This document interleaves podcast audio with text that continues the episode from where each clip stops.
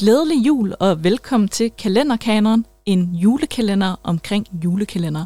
Lad os åbne love nummer 13. Vi er i året 2005, og vi slår ind på TV2, som kommer med julekalenderen Jul i Valhall, som er en af mine favoritter, når vi snakker omkring julekalender.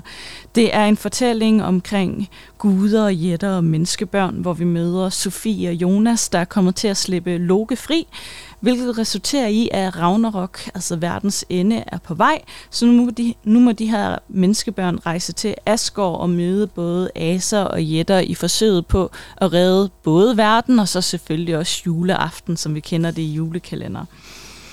Øhm, Martin Brygman slår til igen, når vi diskuterer julekalender. Det er ham, der har skrevet sangene til dem. Øhm, vi ser igen det her musikvideoformat, og de kom egentlig til at fylde en god del. Øh, de her sange, julekalender fik noget kritik af, hvor mange minutter er et afsnit, der egentlig kom til at gå på de her musikvideoer, der også kom til at spoile, hvad der skulle ske senere i handlingen. Men det er altså bare nogle skønne sange, og Logos Rhapsody er altså bare en fantastisk sang.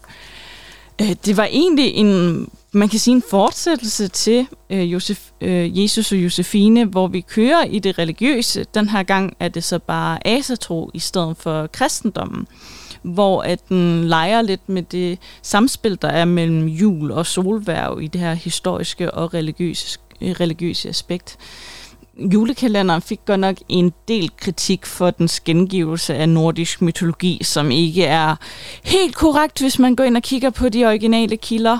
Øh, men jeg må indrømme, at jeg elsker det. Jeg elsker den måde, de har valgt at fremstille de her guder på. Jeg elsker, at guderne er så dumme på den gode måde. Altså man møder guden Thor, der ikke kan finde sin hammer, og så Odin, der beder ham om at kigge under sengen nu for en sikkerheds skyld. Det er bare nogle fede fremstillinger, der læner sig lidt, om, lidt op af de klassiske Valhalla-tegneserier. og jeg synes altså, hvis man skal kigge på nogle gode øh, præsentationer i forhold til de nordiske guder, så skal man ikke kigge ved Marvel, man skal kigge ved Jul i Valhall. Den er en julekalender, der er sjov, der har charme, den har en... Øh, den øh, kan jeg altid huske på at synge med på de her sange, og det kan godt være, at den har øh, nogle fejl, den fik kritik for, men det er altså bare en af mine yndlingsjulekalender, og jeg er ikke den eneste med den her holdning, for det var faktisk den mest sete julekalender i det første år 10 efter 2000. Den fik faktisk også en efterfølger. Igen minder lidt om Jesus Josefine, fordi det var ikke en ny julekalender, men til gengæld filmen Guldhornene, der kom to år senere.